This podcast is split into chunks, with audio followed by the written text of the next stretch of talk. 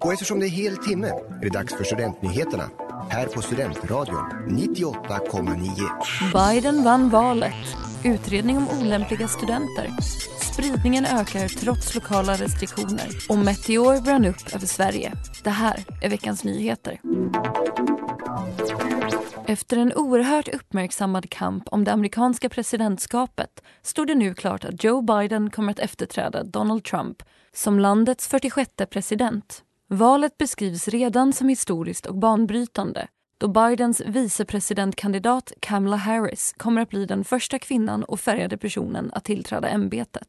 Detta enligt CNN. Många av de yrken som studenter utbildar sig till går ut på att jobba med människor.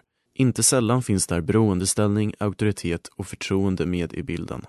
Nu har Matilda Ernkrans, minister för högre utbildning och forskning, tillsatt en utredning för att undersöka möjligheterna att göra det svårare att komma in på sådana utbildningar, uppger tidningen Ergo. Studenter med ett olämpligt förflutet, exempelvis dömda sexual eller våldsbrottslingar, kan möjligen komma att nekas antagning i framtiden. Utredningen ser främst över högskolelagen och belastningsregisterkontroller vid antagningen. Uppsala blev för några veckor sedan första regionen i landet att införa lokala allmänna råd för att få bukt på den oroväckande smittspridningen. Men trots de nya rekommendationerna har spridningen dubblerats på en vecka, rapporterar Dagens Nyheter.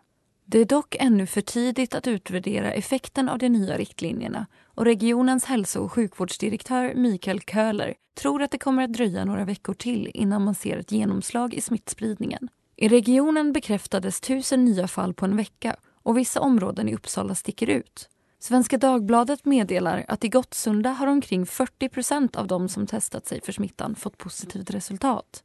Även i pendlarorten Knivsta har smittan ökat vilket skulle kunna påskynda spridningen ytterligare. Under lördagskvällen vid 22.30-tiden brann en meteor upp över Sverige. Det ledde till ett starkt sken som lyste upp kvällen på flera platser i Norden. Detta var en riktig bjässe, inte konstigt att den sågs från Norge, säger Erik Stempels, forskare vid institutionen för fysik och astronomi vid Uppsala universitet till SVT Nyheter Uppsala. Lärarstudenten Moa Helge var en av dem som skådade ljusfenomenet när det skedde. Jag var hemma hos eh, en kompis och spelade spel när eh, himlen plötsligt lystes upp och eh, det såg ut som att det blev dag, trots att det egentligen var natt. Hur kändes det? Det kändes häftigt. Det var lite svårt att förstå vad det var bara. Det här var nyheterna på Studentradion 98,9. Med Marcus Helge och mig, Hanna Wolfridsson.